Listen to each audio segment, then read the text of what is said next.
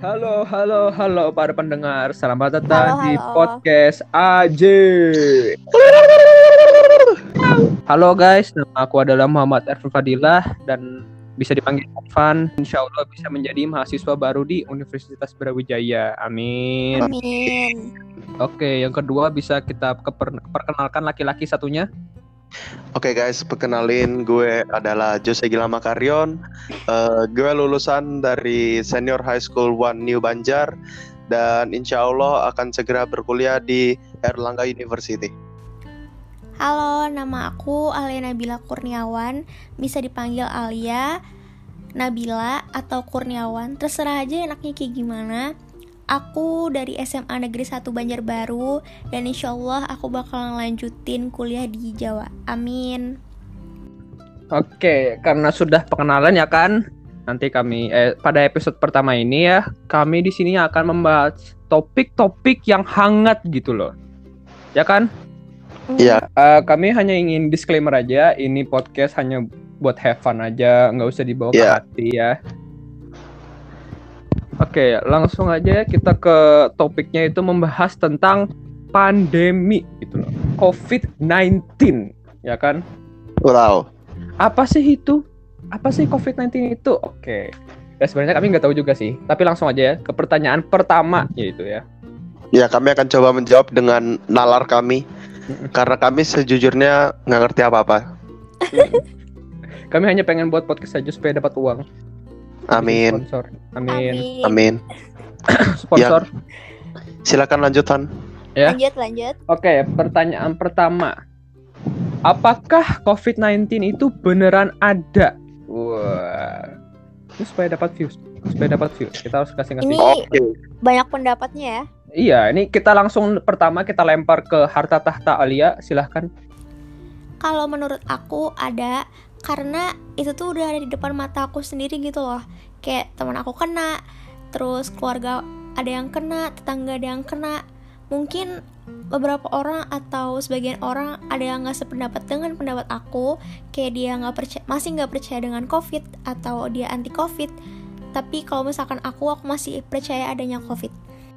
Dan di berita-berita pun juga udah banyak banget kan kasus-kasus yang tersebar di seluruh Indonesia, terutama di Kalimantan Selatan sendiri, di Banjarbaru tentunya. Gitu. Oke, langsung ke Jose. Saya Kenapa menyebutkan nama Kors dengan tertawa? lucu aja Jadi gitu. kalau gue percaya bahwa COVID itu ada, walaupun gue belum pernah kena ya. Jadi belum eh, 100% percaya, masih sekitar 99%.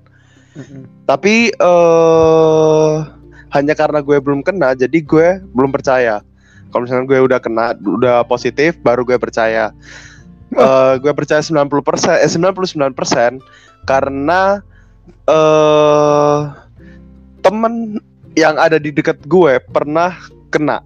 Jadi gue bersyukur gue nggak kena. Tapi yang pernah deket dengan gue itu aduh, kena dan Kena. alhamdulillahnya gue nggak ikutan positif. Cuman positif thinking aja. Sedangkan dia Asik. sampai positif COVID. Jadi eh, bersyukurlah sampai sekarang gue masih diberi kesehatan dan kalau ditanya percaya atau tidak, gue percaya. iya. Oke, lanjut. Kalau dari aku ya, yang namanya COVID itu ya menurut gue sih ada. Karena ya, kau coba lihat aja di berita gitu loh. Banyak banget eh, para dokter, perawat yang sudah berjuang gitu loh di rumah sakit. Iya, Capek-capek udah apa ya namanya sudah Ngob- kerja yang real Iya. gitu. ngobatin. Masa mau dipatahkan hanya Iya. dengan teori-teori konspirasi? Iya, coba bayangin aja. Malah lebih susah kalau dipalsuin gitu loh. Lebih susah dipalsuin. Ngapain mereka ngepalsuin diri? Ngapain? Banyak ada, banyak aja loh ya dokter-dokter yang meninggal. Kalian kira itu ngeprank? Tiba-tiba ngegali kuburan, kalian buka petinya ada kameramen. Eh, Anda kena Sabar, prank sabar, gitu. sabar, sabar, sabar. Oh, iya, iya.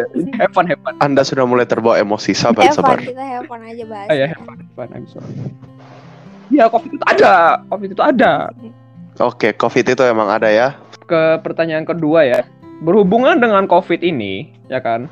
Ya pasti kan semua pekerja ya kan, siswa, mahasiswa, adik-adik, pelajar tingkat yang berbeda pun pasti telah mengalami karantina ya kan.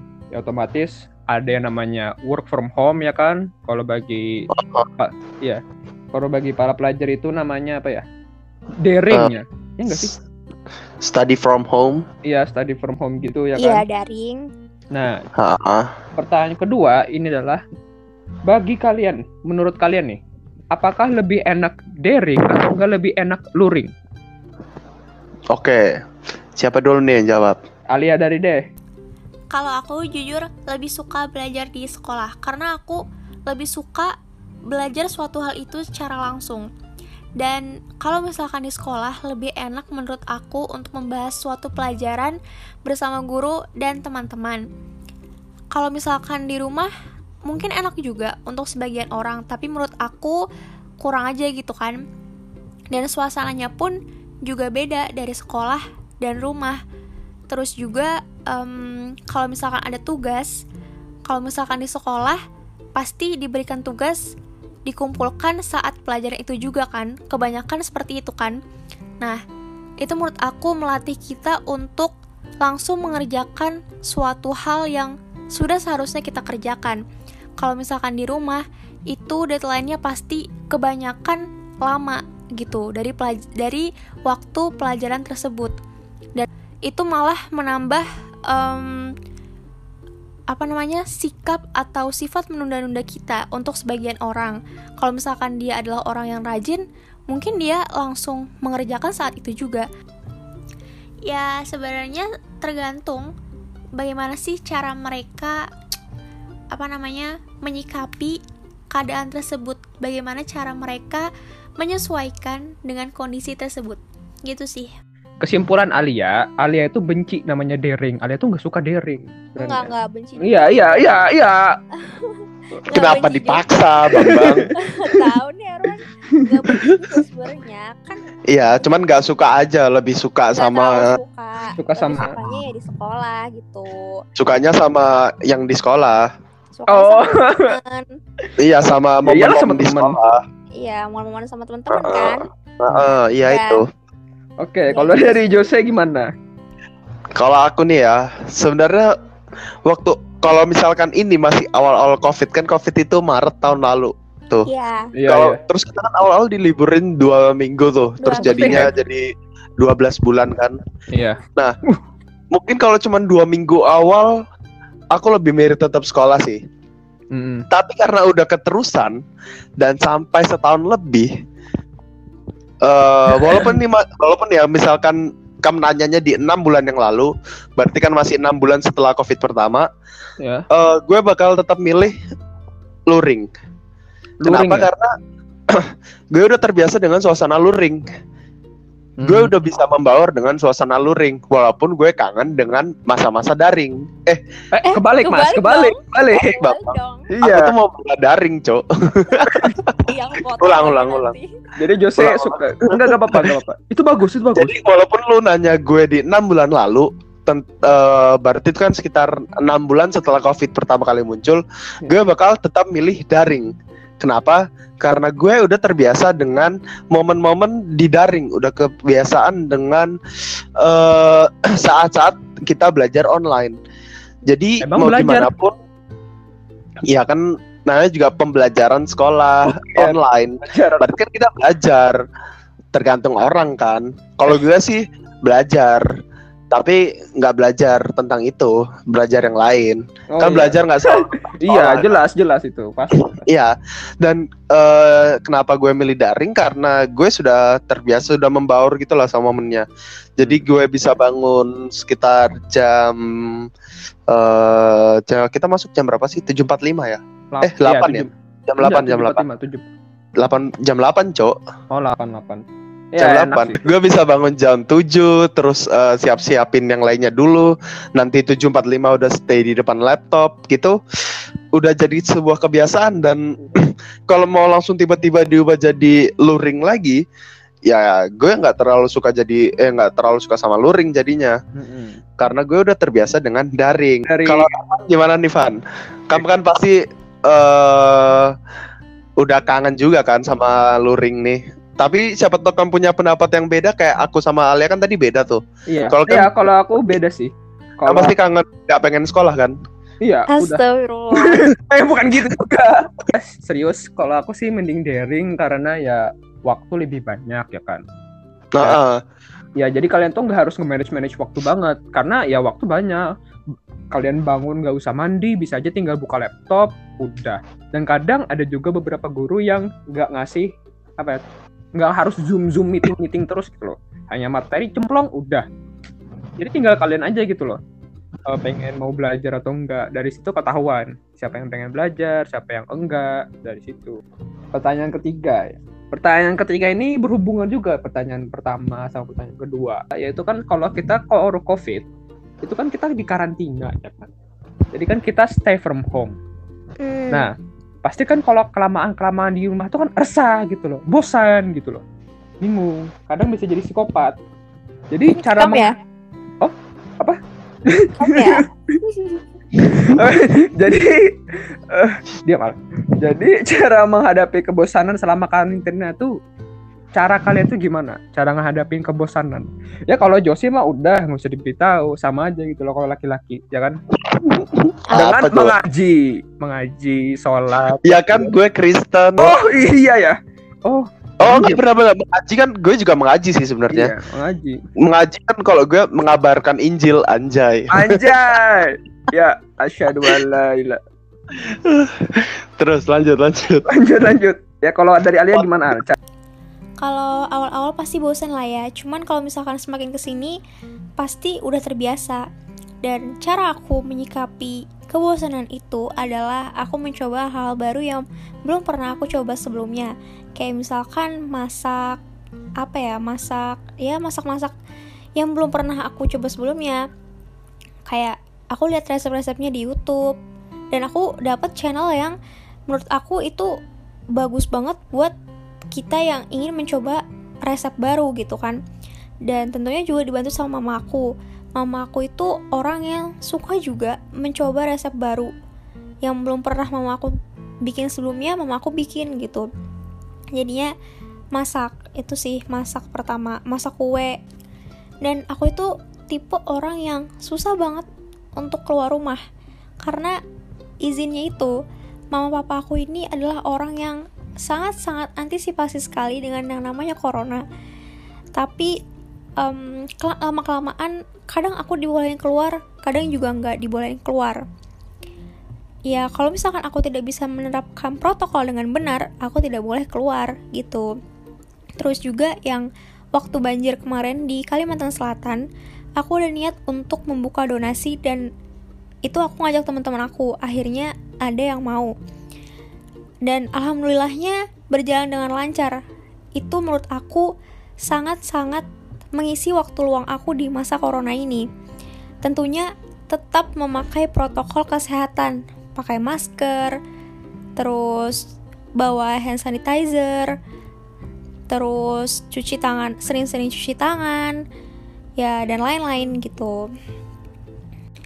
Intinya kalau misalkan kalian keluar-keluar rumah tetap jaga protokol dengan baik dan benar gitu gitu ya dari aku Yo, eh mantep emang podcast kita di banyak moralnya. Walaupun di tengah-tengah COVID yang membatasi kita, tapi kita tetap bisa saling menolong satu dengan yang lain kan. iya, Iya. benar sekali Wow, bener sekali. Betul. Emang pintar kan sebenarnya Aku juga nolong kok.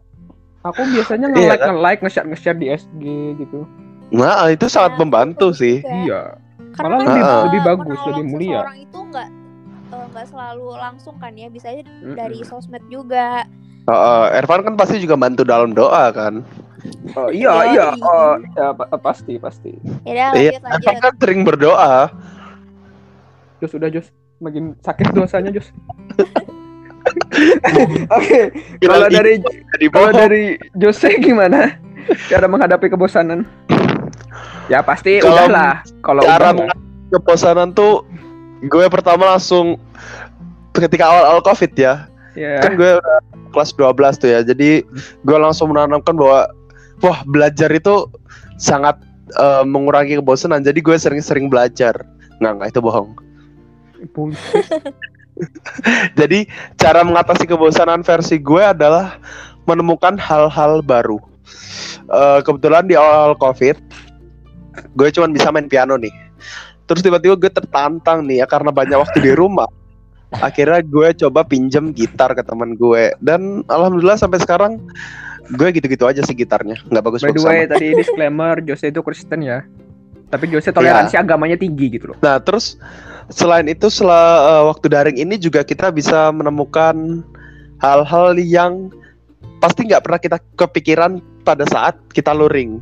Iya benar. Contohnya, contohnya gue dulu nggak tertarik buat eh, hal-hal editing, tapi waktu Jadi, kita waktu terjun ke covid, eh terjun ke covid, terus Waktu- ke COVID.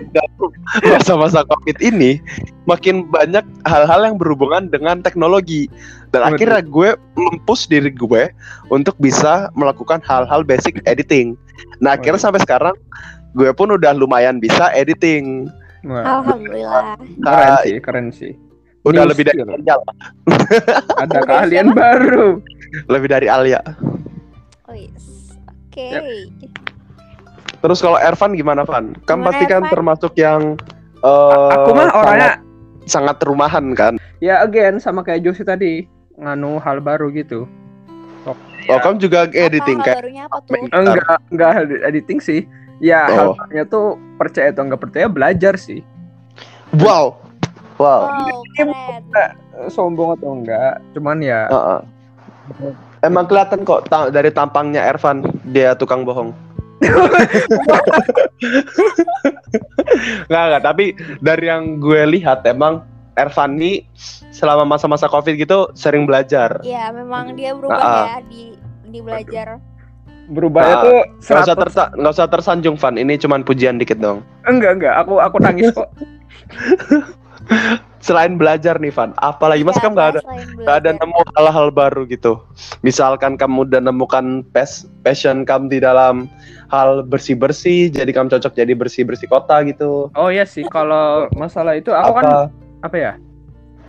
Aku sekarang Apa tuh? aduh, Apaan? Ervan gugup ini guys, jadi wajar aja bukan kan bukannya gugup tapi malu. sih Malu malu ngebilangnya gitu loh. Oh nggak apa-apa bilang aja Van, kami kadang nggak percaya kok. Oke. Iya Aku sih, udah bisa apa namanya itu? Ngerapiin tempat tidur gitu loh. Wow, Wow. Itu wow, paling- keren. peningkatan. Ya itu nanti bisa jadi iklan gitu. Dulu sebelum covid gue nggak bisa ngerapikan tempat tidur, Jadi biar aja gitu gitu loh. nggak Mau bisa ngerapikan tempat tidur. Oke kita lanjut. lanjut ke pertanyaan keempat ya. Apakah selama pandemi ini telah mengubah sikap atau sifat kalian gitu? Apakah itu menjadi lebih baik atau menjadi buruk? Tolong jelaskan. Oke, mulai dari Oke. siapa? Dari Alia. dari dong. Ervan. Oh, dari Apa aku. dong, masa aku terus? Ya, ayo Ervan. Jelaskan Van. Apa hal-hal apakah ada hal-hal yang membuat kamu jadi berubah? Ada sih. Entah ya pasti. arah buruk atau arah baik. Ya kok ya arah entah baik. arah buruk atau itu arah yang lebih buruk lagi. Ya, ada guys, Oh. Erwan. Kalau aku dari ya pasti arah baik lah. Pasti semua orang tuh kalau Alhamdulillah. kalau dari aku ya eh, alasan aku bisa berubah itu aku sadar selama pandemi itu aku tuh nggak terlalu banyak punya temen yang dekat biasanya dua hal antara temen lama tapi nggak akrab atau teman akrab tapi nggak lama biasanya gitu aja Hmm.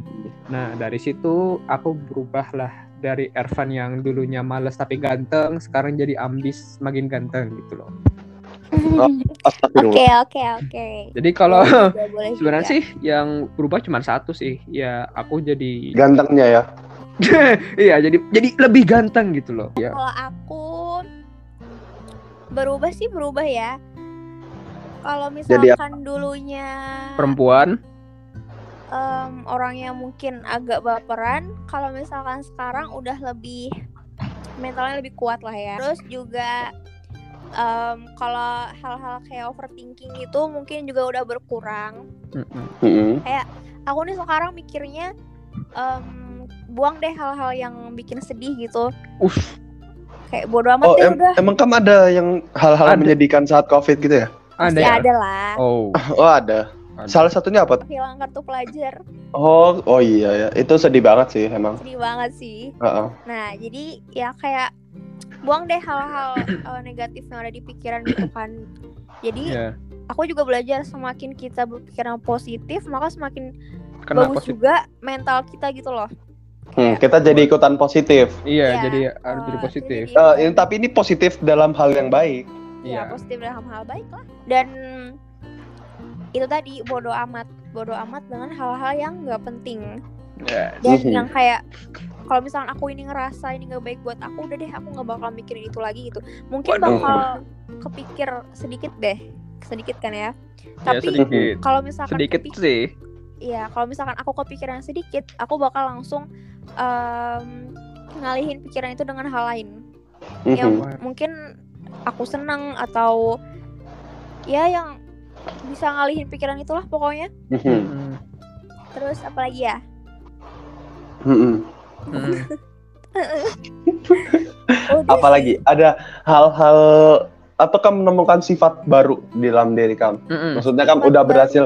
Berhasil nge-unlock sesuatu yang baru dari diri kamu. Skill-skill baru gitu ya kan.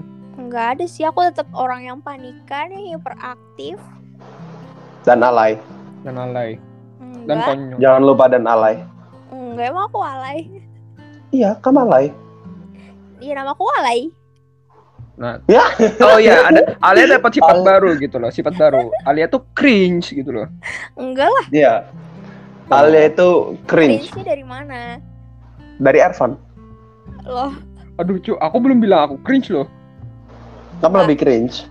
Iya sih. pokoknya itu tadi udah menurut Ya. aku yang ya sifat yang ke unlock ya bodo amat tadi soalnya aku dulu adalah orang yang kurang bisa bodo amat sama orang kayak eh, Oh, berarti ada suatu momen yang membuat kamu jadi dari yang awalnya nggak bodo amat jadi bodo amat gitu ya? Iya. dong, pasti ada dong Oh, momen apa tuh Al? Apaan tuh?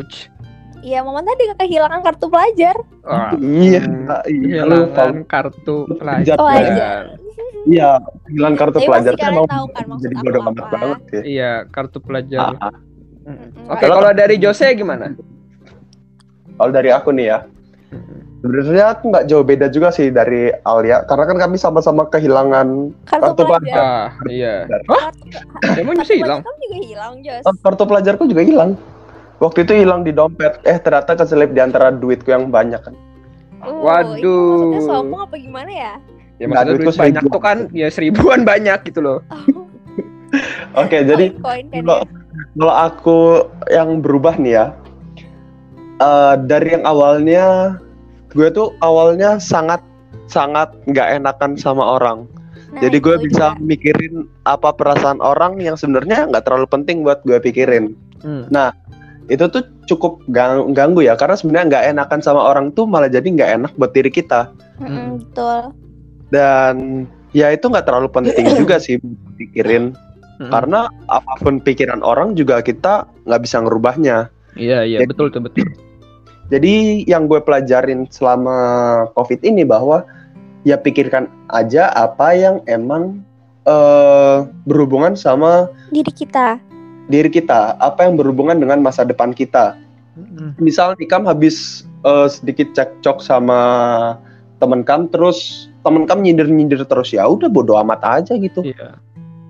Kayak masa bodoh aja lah, ngapain juga dilanjutin, gak ada pentingnya. Nah itu eh, salah satu eh, sifat yang berhasil gue dapatkan. Iya, malah nge-stressin kalau dipikirin terus. iya Iya, benar iya. juga Gue dulunya pedulian, sekarang dengan Bodo bodoh amat. ini, gue malah jadi lebih happy sama diri gue sendiri. Mm-mm. Iya, betul tuh. bukan berarti nggak peduli dengan Iya. sekitar gitu kan Cuman maksudnya Karena nggak peduli dengan hal yang negatif-negatif gitu, Iya. yang nggak ada bagusnya untuk naikin diri kita nggak ada. Ya, Prior- pasti kalau semua orang sih, sendiri kalau gitu deh. semakin dewasa pasti gitu, pasti Mm-mm. sudah itu boma. proses kita buat dewasa dengan mengurangi kepedulian kita terhadap orang lain tidak juga mengurangi eh, hal positif di dalam diri kita Iya, tapi- juga menambah pikiran-pikiran positif yang ada di diri kita gitu iya. Jadi namanya yang orang bersikap dewasa itu maksudnya orang yang bersikap bobot sebenarnya bodo amat gitu loh. Bukan orang yang peduli, bukan orang yang sombong, enggak. Nanti kalau kalian semakin dewasa, ini aku ngasih pesan bagi eh, buka adik-adik kelas ya, udih sok banget. Iya, ini kan yang dengerin kita kalau nggak salah umur 5 sampai 7 tahun Iya, nggak mungkin yang di atas kita tuh nggak mungkin dengerin, pasti langsung keluar. Heeh. Eh jangan ya, tolong. Oke. Jadi kalau bagi nama nama- namanya bersikap dewasa itu namanya kalian semakin dewasa itu semakin bodoh amat terhadap hal-hal kecil yang negatif ya. Sebenarnya lebih ke self love sih. Iya, self love, percaya diri sendiri, mencintai diri sendiri, menghargai diri sendiri. Iya. Jangan terlalu terpengaruh dengan kata orang. Itulah apanya menjadi dewasa. Ya, menjadi dewasa itu sulit, tapi butuh waktu yang lama untuk sadar. Dan tapi kalau kalian udah sadar, kalau kalian sudah tahu gimana caranya menjadi dewasa, kalian jadi enak. Gitu loh. Yang namanya bersikap dewasa itu bukan ngilangin sikap kita yang dulu. Sikap kita yang dulu tuh pasti ada. Cuman kita kita pendam aja gitu loh. Contohnya dari aku, aku tuh orangnya temperamental kok dulu. Aku dulu orangnya tuh hypersensitif. Sekarang pun aku masih bisa temperamental, masih bisa hypersensitif. Cuman yang namanya bersikap dewasa itu maksudnya meren- merendamkan atau enggak mengecilkan sikap kita yang dulu dan menambah Eh, sikap yang baru. Lebih bisa mengontrol lah. Iya, lebih bisa mengontrol. Jadi maksudnya tuh ya lebih bodo amat. Jangan terlalu peduli dengan hal-hal yang negatif. Just chill, my brother. Chill. Walaupun mungkin eh, beberapa orang kayak susah ya masih kayak pod- Mm-mm. apa bodo amat Nanti dengan hal-hal ya, nanti negatif waktunya itu. pasti ada kok. Tapi pasti Biasanya Ya, jadi eh, itu kita bakal yang- jadikan bodo amat ini sebagai tema next episode karena ini pasti Iya, panjang banget. Iya. Ini Iya. udah lama ya. Oke, kita langsung ke pertanyaan terakhir ya. Oh, Kalau kita tadi loh, pertanyaan terakhir. Oh ya, ini ada pertanyaan terakhir. Oke, apakah dari pendengar ada pertanyaan? Silakan angkat tangannya ya. Eh nanti taruh lagi buka sesi Q&A. Iya. kalau nggak ada pertanyaannya kami tutup ya. Nanti kalau ada itu silahkan kasih like, silahkan share ke teman-temannya. Ya, mudahan Ini udah menyukai. selesai. Iya, ini udah mau tutup nih. Iya, ini aku lupa nih ada satu hal penting yang jadi eh, sifat tambahan gue. Tuh? Gue selama COVID jadi lebih berserah kepada Tuhan. Jadi sebelum sebelum COVID ya kehidupan masih berjalan normal kan. Ma- Iya.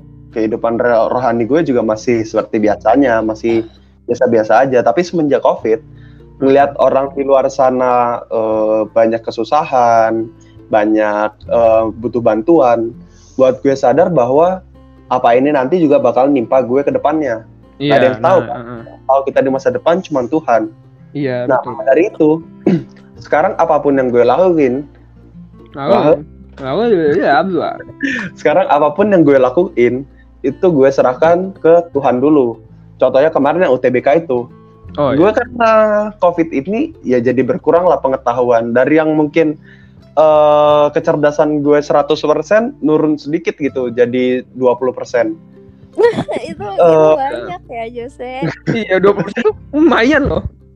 Jadi selama COVID ini membuat gue sadar bahwa Tuhan itu lebih tahu dari apa yang gue rancang di masa depan. Iya. So God plan, God's, God's plan.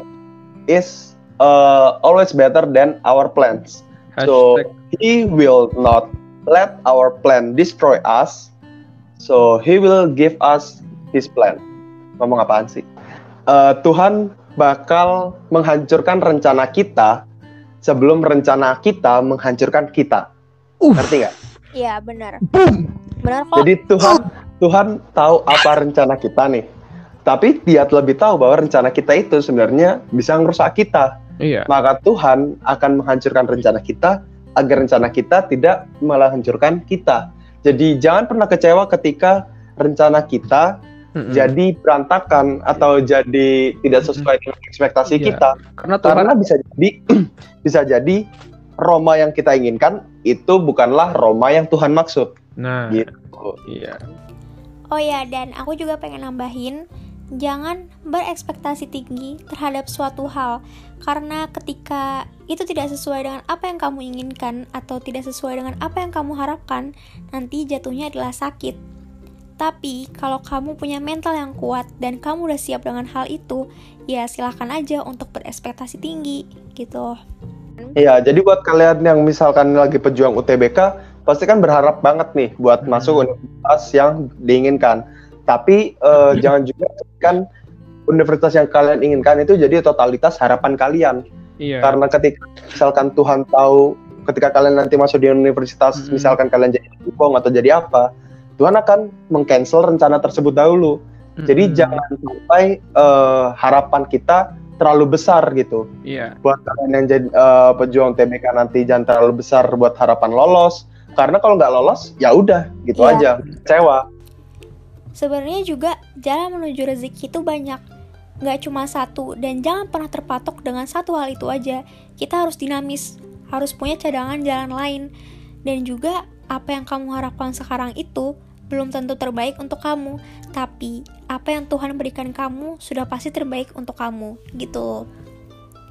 Kita cek nggak tahu Iya. juga ya kan. Siapa tahu perubahan yang kalian sangka wah nggak Hmm. mungkin aku bisa gini. Siapa tahu nanti kalian Ternyata bisa lebih dan bagus di jalan Iya lebih bagus.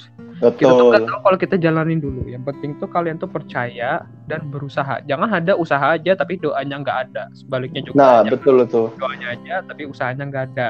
Dan itu nggak cuman berlaku di UTBK doang itu juga Semua. bisa berlaku di juga. kehidupan percintaan kalian di kehidupan pekerjaan Aduh. kalian misalkan yang lagi pacaran nih bisa ngayal-ngayal sampai nikah punya anak 15 gitu Ah iya. ya Kok- jangan jangan kepikiran sampai sana dulu karena belum tentu Iya, belum tentu nikah siapa tahu putus iya. Kalian jangan ngarepin jadi kayak Gen Halilintar gitu ya kan. Kalau punya 12 Heeh. anak ya kan. Terus misal juga kalian di pekerjaan berharap naik gaji naik pangkat gitu ah itu nanti dulu lah lakukan aja yang terbaik duluan gitu Oke, eh, satu tambahan lagi dari aku ya. Eh, tolong ya Lisa Blackpink balas DM-ku. Tolong. oke nanti al bagian ini dikat aja ya Aman-aman nanti aku. Oke. Oke, udah. Oke, terima kasih bagi para pendengar kalau udah mendengar sampai kali ini kalian itu keren, kalian itu makasih banget kalau kalian sudah dengerin sampai ujung-ujung Bertahan sampai Eh, eh, bertahan habis. ya dengan kami. buat kalian yang dengerin di awal-awal ya itu emang nggak jelas jadi tolong langsung skip aja di menit-menit 30-an Kalau misalkan kalian dengerin sampai habis beruntung sih, soalnya di akhir-akhir kan ada kata-kata yang mungkin bakal memotivasi kalian lebih dalam lagi. ya Oke. Oke, sebelum kita mengakhiri, kami akan ngasih giveaway kepada enggak enggak enggak. al yang bagian ini di cut juga Udah, udah, udah. Ya, terima kasih oke mendengar. Ini again hanya perkenalan. Terima kasih. Eh, semoga kalian betah di podcast kami masih mau mendengarkan di episode-episode berikutnya Oke, dadah. Dadah. dadah guys See you.